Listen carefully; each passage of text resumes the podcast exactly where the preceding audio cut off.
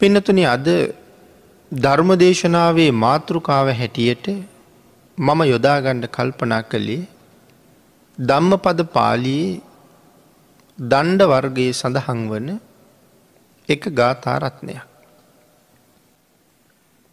යතහා දණ්ඩේන ගෝපාලු ගෞම් පාචේති ගෝචර ඒවන් ජරාච මච්චූච ආයුම් පාචෙන්ති පානිනි. අපේ භාගිතුන් වහන්සේ මේ ගාථාරත්නය දේශනා කට වදාලේ එක්තරා සිල් සමාදන් වුණ උපාසිකාවන් පිරිසකට.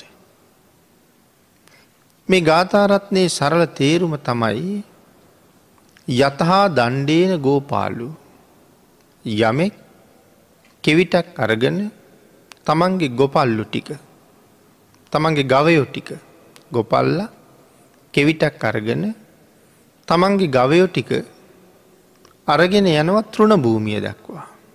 ගවුන් පාචේති ගෝචරන් ආහාරයේ තියෙන තැනට දක්වනු.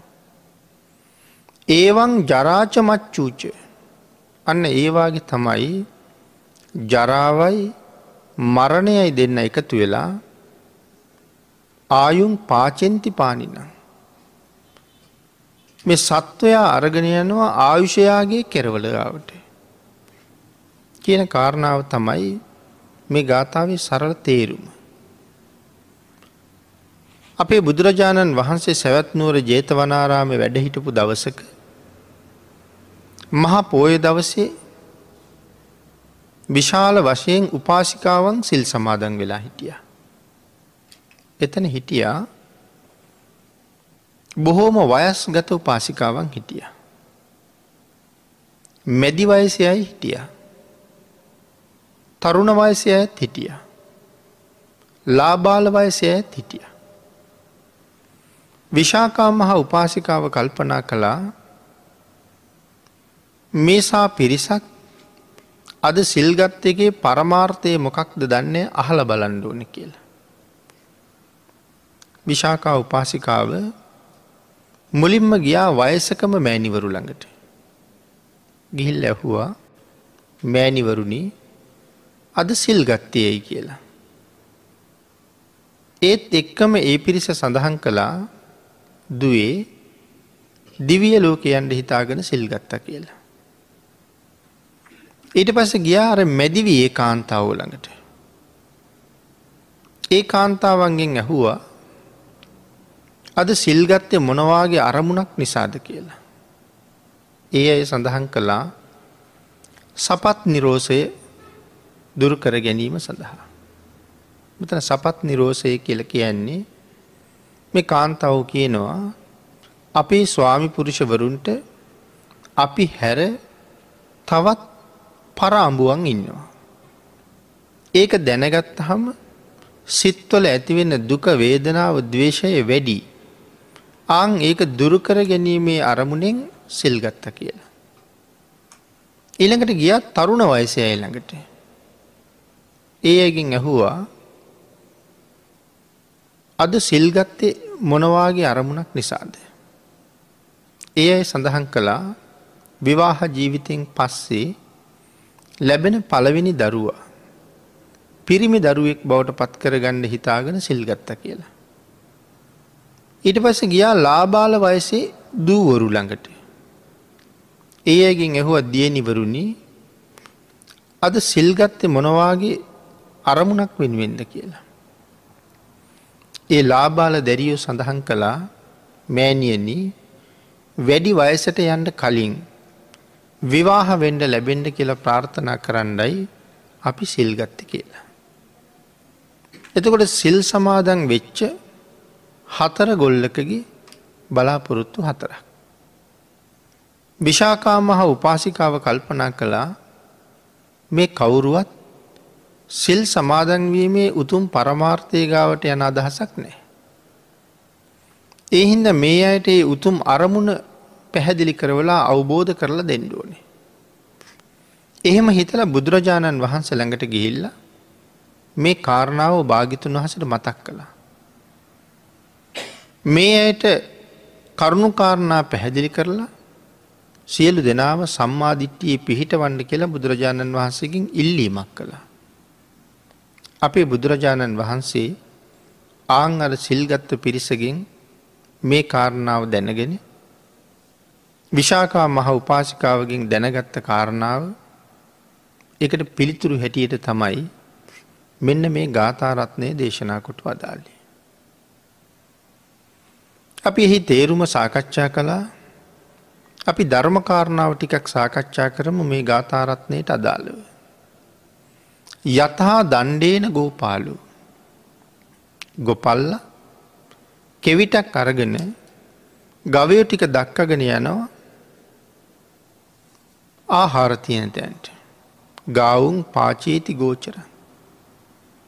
අන්න ඒ වගේ තමයි ඒවන් ජරාච මච්චූචය ජරාවයි මරණයයි එකතු වෙලා මේ ලෝකෙ ඉන්න සියලුම මිනිස්සු අන්‍ය වූ සත්වයෝ සියලූම දෙන අර්ගණ යනවා ආයුෂයාගේ කෙරවල දක්වා.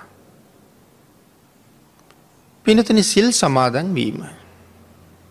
අපේ බුදුරජාණන් වහන්සේ මේ සීලය පිළිබඳව කරුණු දක්වනකොට සීලයේ ප්‍රබේද ගණනාවක් දේශනා කළා.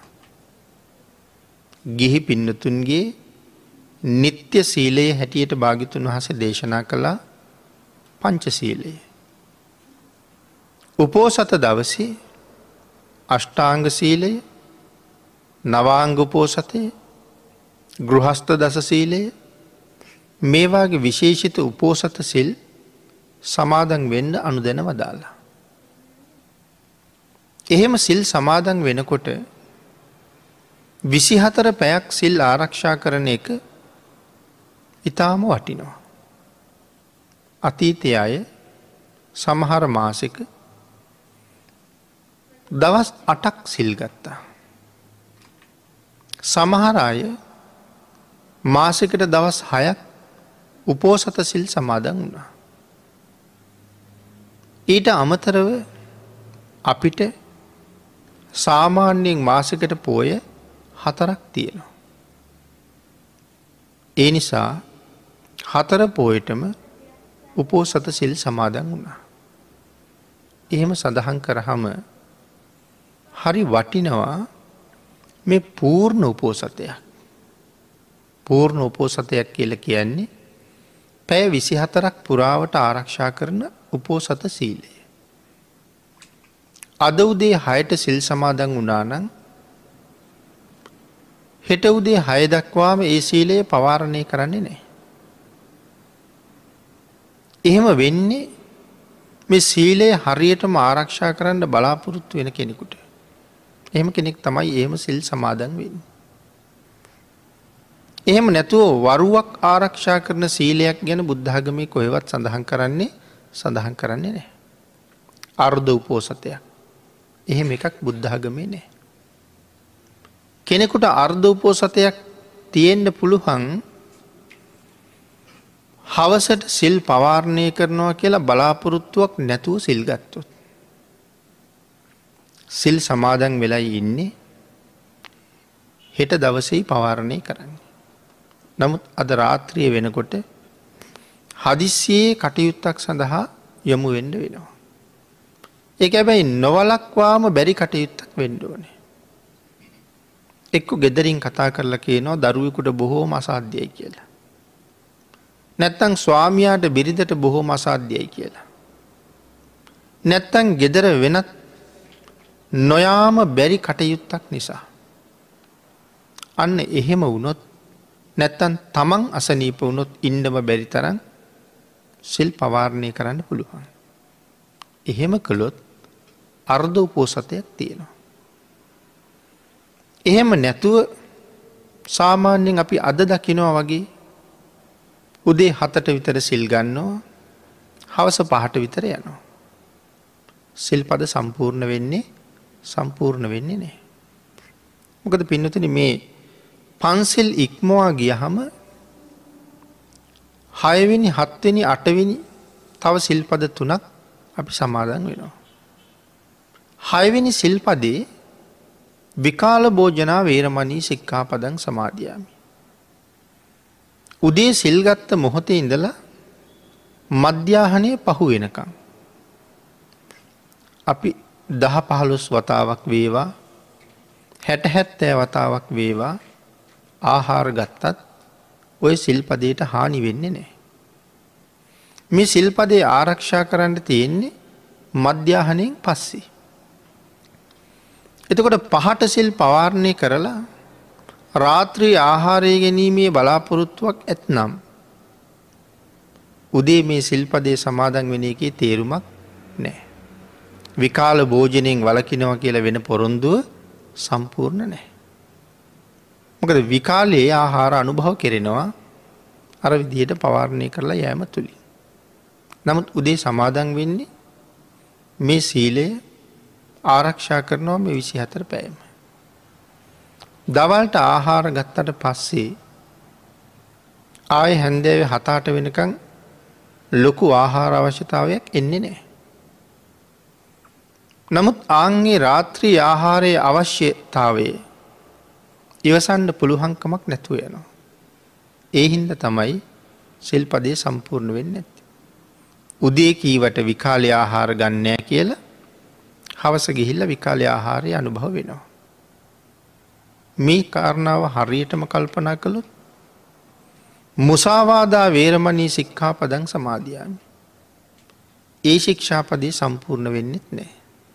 ඇයි ගෙදරින් ඇවිල්ල තියෙන්නේ පහට විතර ආපහු එනවා කියලා. එතකොට මුසාවාදා වේරමණී සික්කාපදං සමාධයාමි කියලා විකාල භෝජනා වේරමණී සික්කාපදං සමාධයාමිත් කියල පහට විතර අපි ආපහු යනවා. එතකොට මුසාවක් මයි කියවිලා තියෙන විකාලයෙන් වලකිනෝ කියලා. ඒ නිසත් සිල්පදේ සම්පූර්ණ වෙන්නේ නැතුව යනවා. ගෙදර ගියත් කමක් නැහැ. ගෙදර ඉඳලත් ඒ සිල් ආරක්ෂා කරන්න පුළුවන්. මේ සීලේ පිළිබඳව සඳහන් කරනකොට තව කරුණක්. නිත්‍ය සීලය පංචසීලය. ඇයි බුදුරජාණන් වහන්සේ අපිට සීලයේ තහවුරු කළේ. බුදුරජාණන් වහන්සේ ලෝකෙ පහළවෙන්න කලිනුත් එක එක බ්‍රාහ්මණ ආගංවල මේ සිල් තිබුණා. නිගන්ට නාතපුත්තයන් ඇතුළු ෂට්ශාස්තෘරු අතරත් පංච සීලයක් තියෙනවා. ඒ සීලයේ මීට වඩා එහා ගියපු කරුණු සඳහන් කරන සීලයක්. එතකොට ඒ සීලය තුළ මේ සීලය ආරක්ෂා කරනවට වඩා බරපතල කරුණුත් තියෙනවා. නමුත් අපිට බුදුරජාණන් වහන්සේ දේශනා කරපු පංචසීලය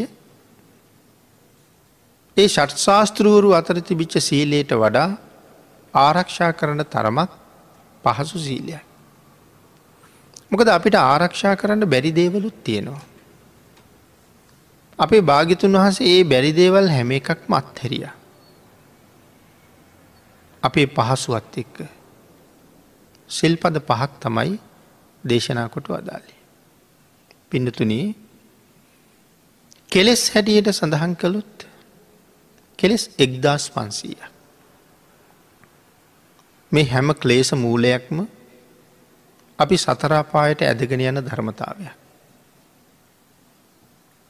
බුදුරජාණන් වහන්සේගේ ධර්මය තුළ තියෙන ප්‍රතිපදාව මධ්‍යම ප්‍රතිපදාව. කොයි පැත්තෙන්වත් අන්තයට ගිහිල්ල නෑ. එනම් මේ පන්සිල් අපිට පෙන්නුවෙත් ඒ මධ්‍යම ප්‍රතිපදාවෙන්මයි. අර කෙලෙස් එක්දස් පන්සීය මාරක්ෂා වෙන්න කියල දේශනා කලාන අපිට පුළුවන් වෙයි කියල හිතනවද. ඒ එක්දස් පන්සීයක් ගැන අපි හිතන් ඕන් නැහැනේ පහක් ආරක්ෂා කරන්නත් බැරිනම් එක්දස් පන්සීයක් ගැන කවර කතාද. සමහර කෙනෙක් කතා කරනවා පන්සිල් ආරක්ෂා කරනය ලෝකෙ කොහෙද ඉන්න කියලා. මේ සිල් ආරක්ෂා කරන්න පුළුහන්ද කියලා. හැබැයි භාගිතුන් වහස දේශනා කළේ මහනෙන බැරි දෙයක් කවදාවත් මම දේශනා කරන්නේ කියලා. බුදුරජාණන් වහන්සේ වගේ ශ්‍රේෂ්ඨ ශාස්තෘන් වහස නමක්. පිනතන කවදාවත් අපිට කරදර කරන්න නම් හිතුවෙන. පුළුවන් තරන් අපිට පහසුම මග තමයි භාගිතුන් වහස පෙන්නලතින්. ඒ නිසයි දේශනා කළේ මහණෙනි බැරිනං මම දේශනා කරන්නේ. හැබැයි බැරි දේවල් තියෙනවා. ඒ දේවල් භාගිතුන් වහස මෙතෙන්ට එකතු කරලා නෑ. බැරි දේවල් ටික.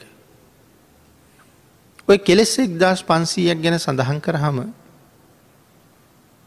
අපි සමහරලාට ගෙදර මකුළු දැල්ටි අපි කඩන්ඩ ඕනේ. නමුත් ඒ කඩන්නේ අනුන්ගේ ගෙයක්. කෙනෙකුගේ ගෙයක් කඩල්ලා බිදල විනාස කරන එක අපිටත් සංසාරය වෙනම විපාක දෙනවා.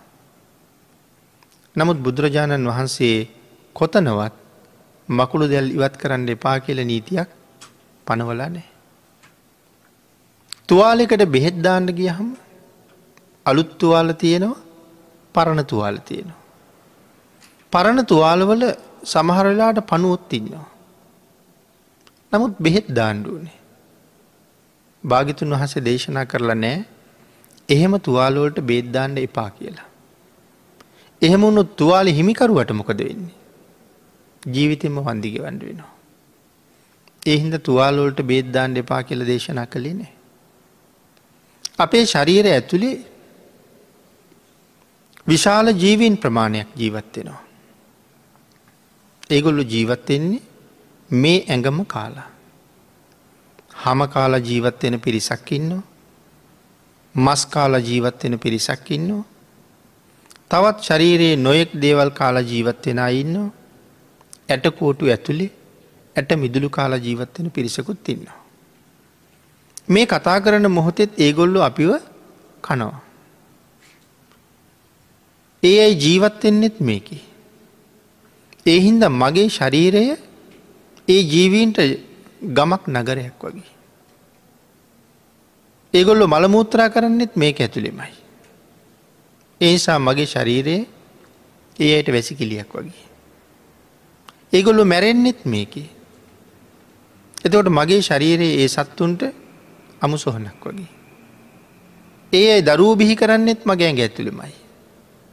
එතකොට ඒගොල්ලන්ට මේක සූතිකරයක් වගේ. ඒ බිහි කරන දරුවොත් අසූ කුලේකයේ සියලු දෙනාමත් මේ ශරීරයේ තමයි කන්නේ. ඒ අය ප්‍රමාණයකට කණ හින්ද හොඳයි.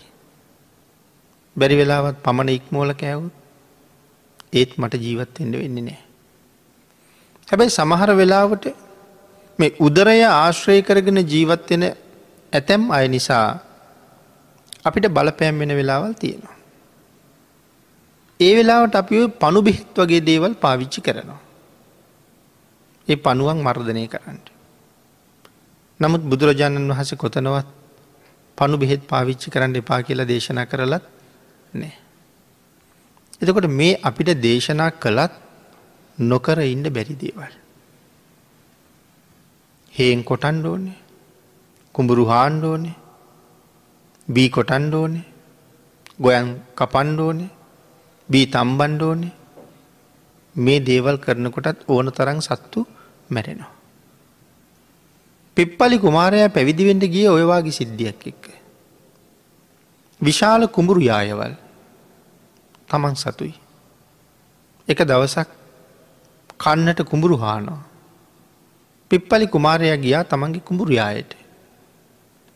අර හාන නගුල පිටිපස්සෙන් කුරුල්ලො කොබෙයියෝ පේලියට යනවා. විශාල පිරිසක්. ඊට පස්ස අර වැඩ කරන මිනිස්සුන්ගෙන් ඇහුවා අර හාන තැන අර සත්තු මොනවද කන්නේ කියලා. ස්වාමීණි මහපළුව හාරණකොට ඇතුළේ ඉන්න පනුව මතු වෙනවා. ඒ පනුවවාගේ සත්තු මේ ගොල්ලු අහුලගෙන කනවා. කුරුල්ලො පනුවකෑවත් ප්‍රාණගහතයක්නේ. ඊට පස්ස ඇහුවා දැම් මේක පව් භාරගන්නේ කවුද කියලා. සේවක පිරිස සඳහන් කළා ස්වාමීණි කුඹුරුවල ආදායම ඔබහන්සේට. එහෙනම් පව්භාරගණ්ඩ හාන මිනිස්සු ලෑස්තිනේ. ආදායමත් ඔබහන්සේට පවත් ඔබහන්සේට. පිප්පලි කුමාරය තීරණය කළා මේ ගිහි ජීවිතයේ සංසාරෙන් එතරයන්ට පහසු මගක් නෙමේ. මම අදම පැවිදි වෙනවා කියලා. පිප්පලි කුමාරයාගේ බිරිඳ බද්‍රා දවසක් ගබඩාවට ගියහම ඔය මුං කව්පි හාල්ලාදී ධාන්‍යවල ගුල්ලු හැදිලා. සේවිකාවන්ට සඳහන් කලා මේ ටික අව්‍යදාන්න කියලා. ගෙදර තව වැඩක් කරලා ආපහු වෙනකොට අර ධාන්‍ය පැදුරුවල කුරුල්ල කොබෙයු පිරිලා. මොනවද අරගොල්ලු අහුලන්නේ කියලෙහුවා. අර ධාන්‍යවල හිටපු පනුව සහ ගුල්ලු අහුල අහුල කනවා. කාටද පව් කිය ලැහුව බයවෙලා. සඳහන් කළා උත්තමාවිය ඔබ තමයි මේ දහන්නේ අව්‍යදාන්ට කිවි. අව්‍යදාපු නිසා තමයි කුරුල්ල වැවිල්ල පනුව කන්නේ. අව්‍යදාන්න කිවි ඔබ නිසා ඒ අකුසලයත් ඔබම භාරගණ්ඩ ඕන කියල සඳහන් කළා. ඇත් කල්පනා කළා මේ ගෘහවාසය සංසාරය මොන තරන්න දික් කරනවාද. මගේ ස්වාමයා අද ආපු ගමම්ම ගිහිල්ල මං මහන වෙනවා කියලා. අන්තිමට දෙන්නම ඒ ගමන ගියා.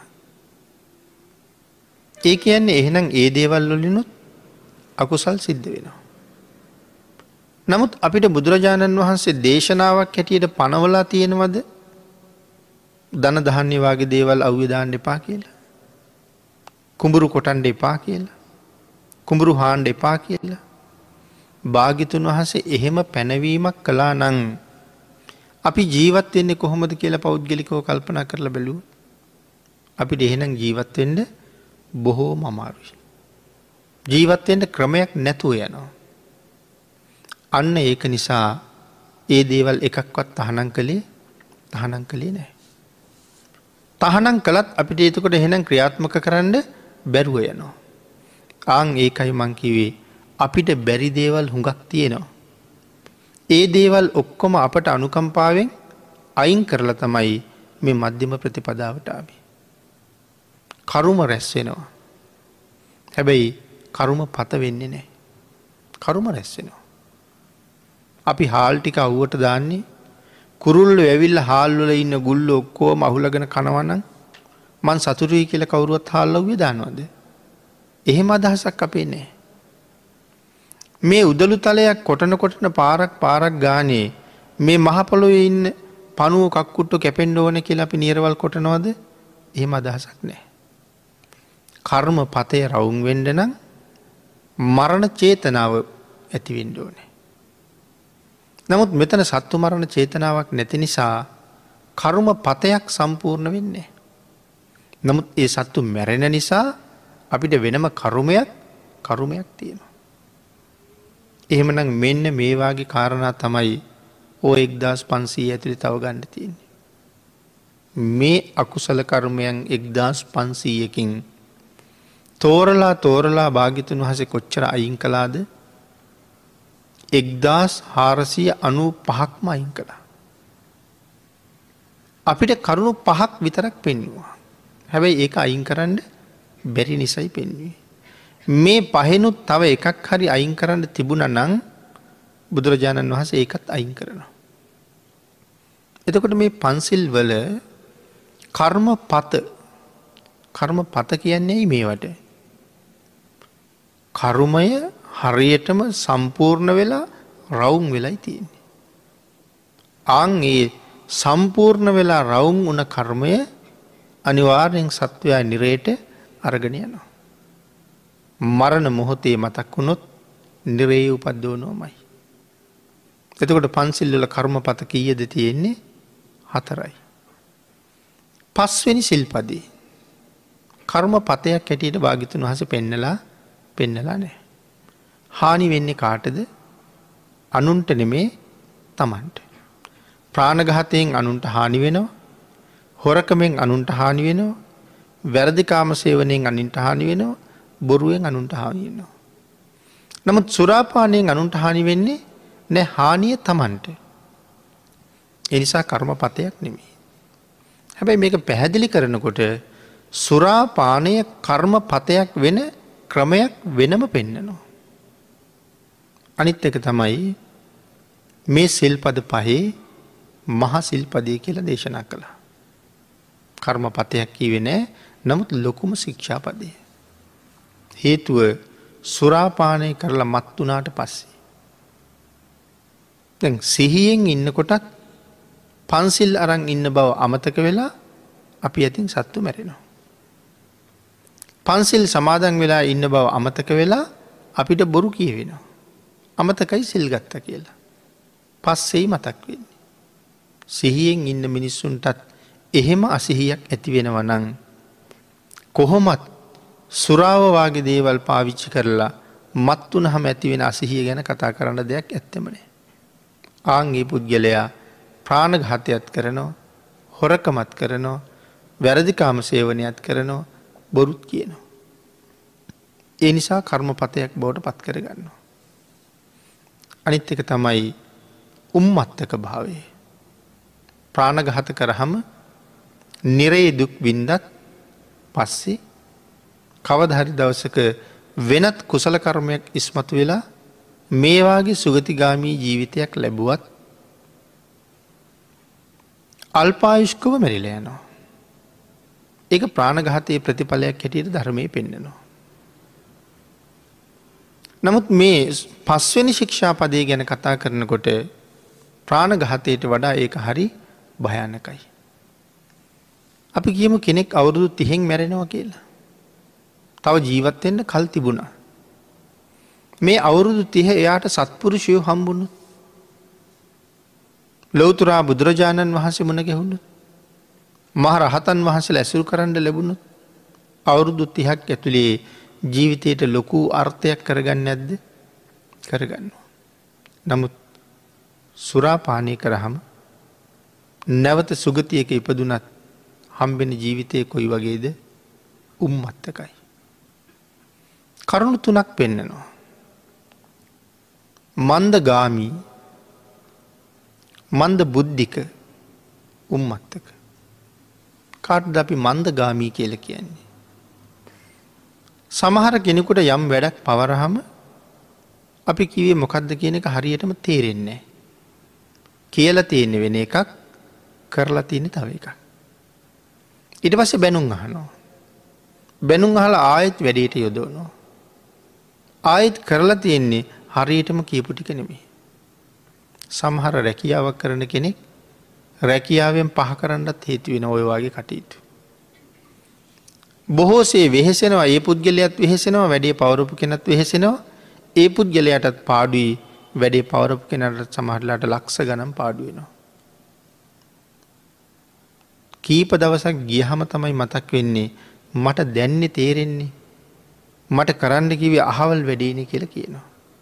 මට මේක කරන්න තිබේ මෙහෙමනි කියලා කියනවා. එතකොට එයාට කියපු වැඩේ හරියටම මතක් වෙන්න දවස් කීපයක් ගියහම. ඇයි එයාගේ ප්‍රඥාව වේගවත් නෑ. අවබෝධය වේගවත් නෑ. බොහොම හෙමින් තමයි වැටහෙන්නේ. එහින්ද කියපු ගමන් යමක් කරන්න බෑ. එගොල්ලන්ට කියන මන්ද ගාමී කියලා. තව පිරිසක් ඉන්නවා මන්ද බුද්ධික කියලා. අපි එහෙම අය ඕන තරන් දැකල තියෙනවා. හැබැයි ලොකූම කරදරයක් අපිට ඒ අයගෙන් නැහැ. නමුත් සාමාන්‍ය සමාජයේ වැඩක් කරගෙන තනියම ජීවත්වෙන්නත් ජීවත්වෙන්නත් බෑ. මන්ද බුද්ධික. තව පිරිසක් ඉන්නවා උම්මත්තක කියලා. හැබැයි ඒගොල්ලු හරි භයානකයි. පාරිවාහනයක එක්ක යන්න බයයි. ඇයි පොදු වාහනීන් අනික් මිනිසුන්ට ගහන්ඩ පුළුවන්. කෙල ගහන්ඩ පුළුවන්. තවත් නොයෙක් කරදරෝට පත් කරන්න පුළුවන් නිසා පිරිසක් එක්ක එක්ක ඇන්ඩ බෑ. පිරිසක් ඉන්න තැනක ගෙනහිල්ල කෑම මේසිකවාගේ වාඩි කරවන්න පුළුවන්කමක් නෑ. අනික් අයට කෑමවලින් ගහයිද දන්නෙත් නෑ. කටේ තියෙන ආහාර මේ සෙව්ඩ දායිද දන්නෙත් නෑ. කටට වතුරාරං අනික් අයට ඇඟට ගහයිද දන්නෙත් නෑ. එහින්ද පිරිසක් ඉන්න තැන තියාගණ්ඩ හරි අමාරුයි. මන්ද බුද්ධිකයි. කෑමයි වතුරයි දුන්න හම වතුර එක කෑමකට හලනවා. ඇඳුම ගලෝලා විසි කරනවා. නමුත් මේවාගේ පිරිසක් ලෝකෙ බිහිවෙන්ඩ එක හේතුවක් තමයි මෙන්න මේ සුරාව. සිහියෙන් ප්‍රඥාවෙන් ඉන්න කාලි සුරාපානය කරලා උමතු එච්චාය නිරයවල් වල දුක්විඳ ලැවිල්ල ආය මෙහෙ උපදිනකොටත් මන්දගාමී මන්ද බුද්ධික උම්මත්තක. වාගේ තත්ත්වයන් ලබල උපදිනවා. මන් සඳහන් කලා ප්‍රාණඝාත කරපු කෙනා අවුරුදු තිහක් ජීවත් වෙනවනං බුදුරජාණන් වහන්සේ ඇසුරු කරන්න ලැබුණන මෙ තිස් අවුරුද්ධ තුළ කොයි තරන් දෙයක් කරගන්නීද. නමුත් මන්ද බුද්ධිකයකුට උම්මත්තකයකුට අවුරුදු සීයක් බුදුරජාණන් වහන්සගේ සිරිපතුල ළඟ ඉන්ඩ ලැබුණත් ඔහුට ඒකින් අර්ථයක් නෑ. අන්න ඒ නිසා පස්වෙනි සිල්පදේ මහ සිල්පදේ හැටියට දේශනා කරනවා. මේ නිත්‍ය වූ සීලයෙන් අපිට ලැබෙන ලොකුම ලාභය ලොකුම ලාභය තමයි ඊළඟටත් උපදින්ට භවයක් තීරණය වෙනවා. මේ ජීවිතෙන් අපි හැමෝම නිවන් දකීද දන්නේ. කතා කරන මටත් ශ්‍රවණය කරන ඔබටත් මේ ජීවිතයේ නිවන් ලැබෙන් නැතිවෙන්නම නැතිවෙන්නම පුළුවන්. අපි දහේතුක වෙන්ඩ පුළුවන් ත්‍රහේතුක වෙන්න පුළුවන් අහේතුක නෑ. හැබැර මන්ද බුද්ධික උම්මත්තක ඒගොලු අහේතුක කොහොමත් ඒ ආත්මි නිවන් හම්බ වෙන්නේ නෑ. ඇස්පේෙන් නැති කං එහෙන් නැති උනහමත් අංගවි කළ උනහමත් අහේතුක ගනයටමයි වැටෙන්නේ. නමුත් පින්නතුනී දුහේතුක වුණොත් ඒත් මේ ජීවිතෙන් අපිට මාර්ගඵල ලැබෙන්නෙම ලැබෙන්නෙම නෑ. ත්‍රහේතුක පුද්ගලයෙක් තමයි ඒ සඳහා සුදුසුකං සම්පූර්ණ කරලා ඉන්න. හැබැයි ත්‍රහේතුක වුණොත් අනිවාර්යම ඒ ජීවිතෙන් මාර්ගයක් පලයක් ලබල සසරින් එතර වෙනවා කියල කතාවක් නෑ. මහබෝසත්තුරුවාගේ උත්තමයෝ ත්‍රහේතුකයි නමුත් ඉස්සරහට ලොකු බලාපොරොත්තුවක් තියෙන නිසා මේ ජීවිතෙන් සංසාරයෙන් එතර යන්නෙත් නෑ. බලාපොරොත්තුව ඉස්සරහට තියෙන නිසා. එනම් අපි අහේතුකෙත දුහෙත් අපි දුහේතුකද ත්‍රහේතුකද කියන කාරණාව අපි තාම හරියට දන්නේ. නමුත් ආය උපදින්න වෙන බව දන්නවා. ආංගේ උපදින්න වෙන බව දන්නවා උපදින්නේ කොතනද කියන කාරණාව දන්නේ. ඒකයි දේශනා කළේ මේ ජීවිතයාගෙන් පස්සේ ඊළඟට ලැබෙන ඇඟ මනුස්සයකුට මනුස්ස ඇඟක්ම නෙමෙයි. දෙවියකුට දිව්‍යමය ආත්මයක්ම නෙමෙයි බ්‍රහ්මයකුට බ්‍රහ්මකයක්ම නෙමෙයි අද දෙවිය හෙට තිරිසනෙ. අද බ්‍රහ්මයෙක් හෙට තිරිසනෙ. අද මිනිහෙක් හෙට තිරිසනෙ. එහෙමනං මේ මොහොත වෙනකොටත් ඊළඟට මරණයෙන් පස්සේ අපිට හම්බ වෙන ඇඟ මොකක්ද කියන එක තීරණය වෙලයි තියෙන්නේ. දැනට තීරණයක් තියෙනවා හැබැයි ඒක වෙනස් කරන්න පුළුවන්. අපි ගාව මෙන්න මේ සිල් නැත්තං මේ වෙනකොට තීරණය වෙලා තියෙන ඇඟ කූම්බියෙක් වෙන්නත් පුළුවන්. කෝදුරුවෙක් වෙන්නත් පුළුවන්. මදුරුවෙක් වෙන්නත් පුළුවන් කබරගොයෙක් වෙන්නත් පුළුවන්. සත්ව ලෝකයේ එහෙම තැනක තීරණයක් එන්න පුළුවන්. එහෙම නැත්තං නිරේක එහෙම නැත්තං ප්‍රේත ලෝකයක එහෙම නැත්තං අසුර ලෝකයකට යන්න පුළුවන්. භාගිතුන් වහසගේ දේශනාව සඳහන් කරනවා මහනෙන මේ ලෝකෙ ඉන්න මේ සත්තු තිරිසන්නු. මේ සියලුම සත්තුන්ට අපිට වගේම මනුස්ස ජීවිතයක් තිබුණ කියන එක. අම්ම තාත්තළඟ ඉපදුන කාලබීල හැදිල වැඩිල පෝෂණය වුණා. නිසි වයසේ ඉගෙන ගත්තා. විභාග පාස් කරගත්තා. විශ්වවිද්‍යාල වගේ උසස් අධ්‍යාපන ආයතනවලට ගිය. උපාදිවාගේ සහතික ලබා ගත්තා. හොඳ රැකියාවකුත් අරගත්තා. සෑහෙන කාලයක් ඒ රැකියා කටයුතුත් කළා. ආවාහ විවාහ වුණා. ගෙවල් දොරවල් හදාගත්තා. යානවාහන අරගත්තා. ඒ සියලුම දේවල් කළා. මේ තිරිසන් සත්තු. නමුත් මරණයෙන් පස්සේ තිරිසන් ලෝක ඉපදිලා. මේ හැමෝටම මනුස්සකයක් තිබුණ නමුත් අද තිරිසං ඇඟක් අරගෙන ඉපදිලා ඉන්නවා. එකට හේතුව දේශනා කළා තමන් ලබාගත්ත මනුස්ස ජීවිතයෙන් කරන්න ඕන හුඟක් දේවල් ඒගොලු සම්පූර්ණ කළා. කලට වෙලාවට ඒ සේරම කළත් ඒගොල්ලන්ට අමතක විච්ච දෙයක් තියෙනවා. අනික් හැම දෙයක්ම හොඳට මතකයි සිල් රකිින්ට අමතක වෙලා තිබුණා. එන මේ සීලය කියන ධර්මතාවය තමයි ඊළඟ භවයක අපි උපදින්න කොතනද කියල තීරණය කරන්නේ. එය අපි ගාව නැත්තං උපදින තැන කොතනද කියලා නිශ්චිත නිශ්චත නෑ. යමෙක් ළඟ මනාවත් තිසරණ තියෙනවනම්. ඔහු අර්ධ බෞද්ධයි තිසරණ තියෙනවනම්. පන්සිල් සම්පූර්ණ වුණොත් ඔහු සරුව සම්පූර්ණයි බෞද්ධයි. හැබැයි යමෙක් ළඟ හරියටම තිසරණ තියෙනවනම් ඔහු ළඟ ශ්‍රද්ධාව තියෙනවා. ඔහු ළඟ හොඳටම ශ්‍රද්ධාව තියෙනවනම් ඔහු ළඟ අනිවාර්යෙන්ම සිල් තියෙනවා. ශ්‍රද්ධාව කියල කියන්නේ භාගිතුන් වහස පිළිබඳව තියෙන පැහැදීම. ඒ තරම්ම පැහැදීමක් දියුණු නානං භාගිතුන් වහන්සේගේ එක වචන මාත්‍රයක් අහක දන්නේ. සරණා ගමනයේ ප්‍රබේද ගොඩක් තියෙනවා. ඒ ප්‍රබයිදෙන් පහසු යැයි කියල හිතෙන්නේ අවසාන කාරණාව.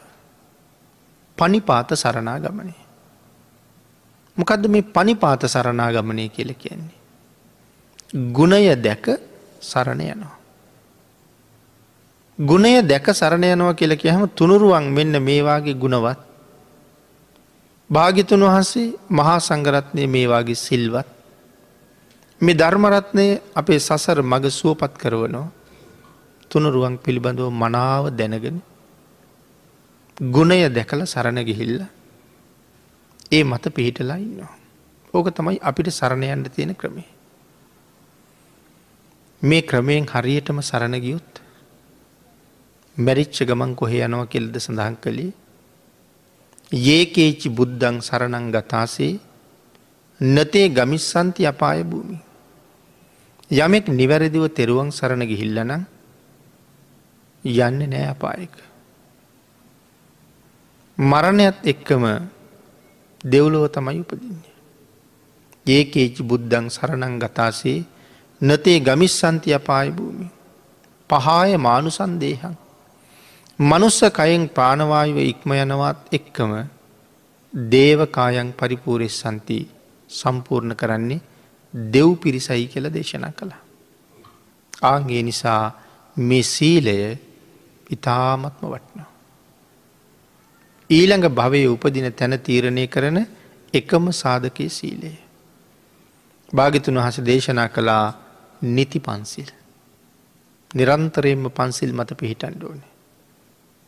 මේ සිල් හරියට නැත්තං උල්ලංඝනය කරන්න මොකක්ද ස්වභාව ධර්මයාගේ ප්‍රධාන නීති පහෙන් එකක්.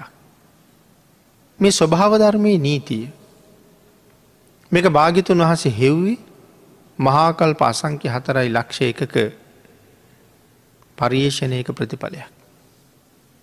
ඒ පර්යේෂණයට කියන්නේ මොකක්ද ආර්ය පර්යේෂණය. ඒ ආර්ය පර්යේෂණය කරලා මේ සීලය ගැන අපිට දේශනා කළා මෙන්න මේ සිල් පද පහ උල්ලංඝනය කරන්න මෙපා කළොත් දඩුවන් කරනවා. හැබැයි හරිම භයානකයි දඩුවම. ශාක්ෂිනය ඊට පස්සේ මේක ලිහිල් කරල දෙන්න කියල කතා කරලා දෙන්න පෙරක දෝරුවරු නෑ එක්කම විනිශ්චකාරයයින්නේ.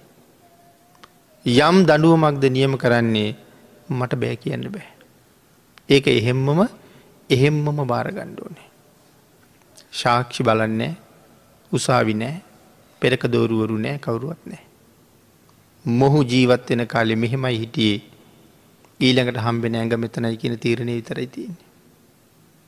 මේ ජීවිතය කරගත්ත සියලුම දේවල් මෙහෙන් යනකොට එහෙදි කතා කරයි. දැනුවත් වෙලා තියෙනවා ස්වභාව ධර්මය අමුතුවෙන් අඩ ගහල කතා කරන දෙයක් නැහැ. ඉගෙන ගන්න කාලීඉඳලා දැන ඉගෙනගත්ත සියලූම සහතික ටික හැකියාවන්ටික අරගෙන ගිහිල්ල පෙන්නනවා රැකියාව කිල්ලගන්ට. මේ තමයි මගේ හැකියාවල් ටික මේ තමයි මගේ සහතික ටික මේ තමයි මගේ සුදුසුකං ටික මට මේකට ගැලපෙන්ඩ රැකියාවක් දෙට.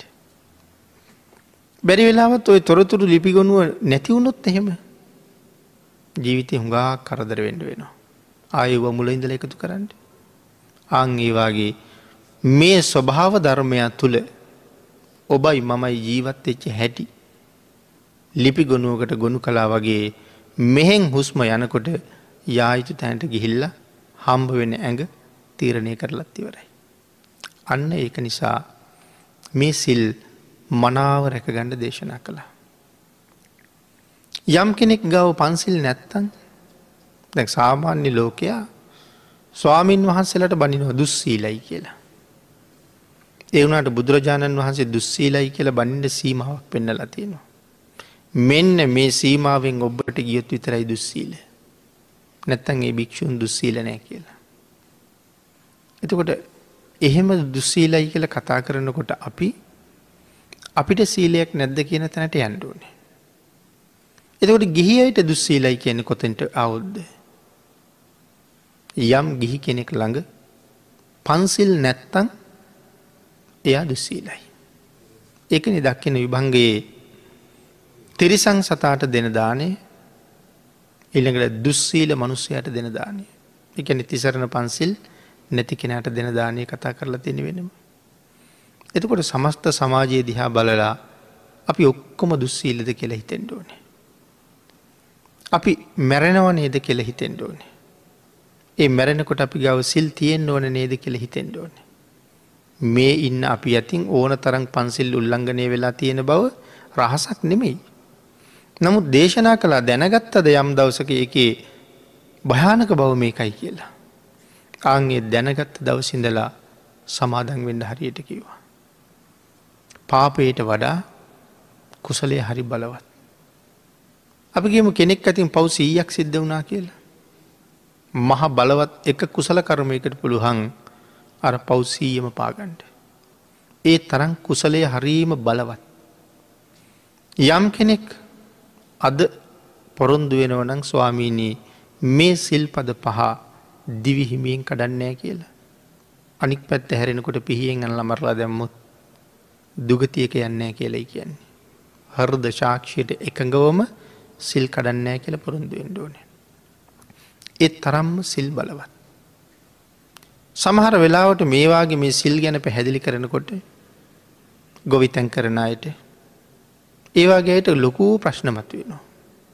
කෘමිනාශක යොදන්ඩෝනේ තවත් නොෙක් කටයුතුවල යෙදෙන්ඩ ඕනේ එතකොට අපි ඒක කොහොමද කරන්න කියලා. මම කියන්නේ ඒ සිල් පදෙත් පැත්තකට කරමුකෝ. තැන් තියෙන ලොකුම ප්‍රශ්නනේ හේන් කුමරු වැඩ කරන්න හම ක්‍රමිනාශක යොදන්ඩ වෙන ඇතකට මොකද කරන්න කියන එක. ඒක එහෙම්මම තියල කල්පනා කරලා බැලුවොත් හොඳයි. ඒ සිල්පදය උල්ලංඝනය වෙනවා. අපි ගාව අනික් හතර තියෙනවාද කියල කල්පනා කිරුව. ඇයි ඒක නැත්ති කියල ප්‍රශ්නයක් ඇහුවත් උත්තරයක් නැතුවෙනවා. එනම් ඒ හතර හරියටම තියෙනවා මේක විතරමනං ප්‍රශ්නය ඒකටත් පොඩි විසඳුමක් හොයන්න බැරිවෙන එකක් නෑ. අපි හැම දාම තෙල් ගහන්නේ එලවලු කොටුවට තෙල් ගහනවනම් සතියට එක පාරයි. අද තෙල් ගහල ඇවිල්ල බුදුරජාණන් වහසයට පොරොන්දුවක් වෙනවා. ස්වාමිනි අය තෙල් ගහන්නේ ලබන සඳුදා. මම මේ වෙල මොහොත ඉඳලා ලබන සඳුද වෙනකං කිසිම ප්‍රාණියෝග්‍ය ජීවිතය නැති කරන්නේ කියලා. දවස් පහක් රැකපු සිල් පදේ මොන තරං ආනිසංසද කියන එක දන්නේ ලොවතුරා බුදුරජාණන් වහස විතරයි. ඒ තරං පුදුම රැකවරණයක් මේක තුළ තියෙනවා. පෝයට අටසිල් උපෝසතසිල් එහෙම සිල් ආරක්ෂා කරන එක හරි විශේෂයි. දැනට දෙවිය ලෝක ඉන්න දෙවිවරු ගැන කතා කරනකොට සාමාන්‍යයෙන් මාසකට පෝය හයක් අටක් පූර්ණ උපෝසත ගත්තායි කියල තමයි සඳහන්වෙන්. දැනට මේ කාලෙ බලාපොරොත්තුවක් තියෙනවනං මරණින් පස්සේ ඒවාගේ සුගතියක යනවා කියලා. මේවාගේ පූර්ණ උපෝසත සම්පූර්ණ කරලා තියෙනවද කියන ප්‍රශ්නෙත් ආපව් අපෙන් අහගණ්ඩුවනේ. අන්න එහෙම කල්පනා කරලා මේ සිල් සමාදන්වීමේ උතුම් අරමුණ සංසාරසාගරින් එතර යන්ඩ සුගතියෙන් සුගතියට යන්ඩ මිසක් සුගතියෙන් දුගතියට යන්ඩ නෙමෙයි. ආලෝකෙන් ආලෝකයට යන්ඩ මිසක් ආලෝකෙන් අඳුරට යන්ඩ නෙමෙයි. නමුත් සිල් නැත්තං වෙන්නේ ආලෝකෙන් අඳුරට යෑමක්. අපේ පරමාර්ථය ආලෝකෙන් ආලෝකයට යෑමක්. ඒකයි දේශනා කළේ මරණය ඉතාම ඉක්මන්. ගොපල්ල ගවයෝ ටික තෘණභූමියයට දක්වනවා වගේ මේ කතා කරන මොහොතක් මොහොතක් ගානය මාරය අපිව දක්කගෙන යනවා ආවිෂයක කෙරවල ගවට. ජරාවයි මරණය යරාව කියන වයිසට යනවා. එනම් වයසට යම තුළින් අසංකෙය ආයුෂ තිබ්බා හිටිය. නමුත් අද හැට පහට ඇත්තෑවටකං අඩු වෙලා. කෞුද මේ දක්කල තියෙන්නේ. ක්‍රමක්‍රමයෙන් මිනිස්සු ගාව දුර්ගුණ වැඩිවෙන්ඩ වැඩිවෙන්ඩ මිනිස්සුන්ගේ ආවුෂ අඩුවෙනවා. මිනිස්සුන්ගේ ලස්සන නැතු යනවා. මිනිස්සුන්ගේ නිරෝගි බව නැතු යනවා. ද මේ කාලෙ අපි ලෝකයක්ම බයවෙලා. නො කරන්න දෙයක් තියනෝද කරන්න දෙයක් නෑ. සතුරෙක් අවුත් මූනට මූුණ එනවා පේනවා. හැබැයි මේ කාලෙ අපි බයිඉන්නේ කොතනවත් පේන්ඩ තියෙන දේකට නෙමෙයි. දන්නෙම නෑ එනකං. මෙහෙම දේවල් ලෝකෙට මීට වඩා භයානක විදිහට අනාගතයට එනවා කියන එක බුද්ධ දේශනාව තියෙනවා. ඇයි එහෙම එන්නේ අපි ගාව දුර්ගුණ වැඩිවෙන්ඩ වැඩිවෙන්ඩ මේ වගේ වෙසනවලට මුණ පණ්ඩ සිද්ධ වෙනවා. අනාගතයට තවත් දුසීලනං අනාගතයට මීට වඩා භයානක වෛරස්සෙනවා. ඒකට සූදානං වෙන්ඩ මෙ සිල්වත් බව හරි වටිනවා. මට මොක හැදුනත් කමක් නෑ මැරිල ගිහිල්ල උපදින්නේ මීට වඩා ප්‍රබල තැනක කියන එක තමන් හොඳට දන්නවා.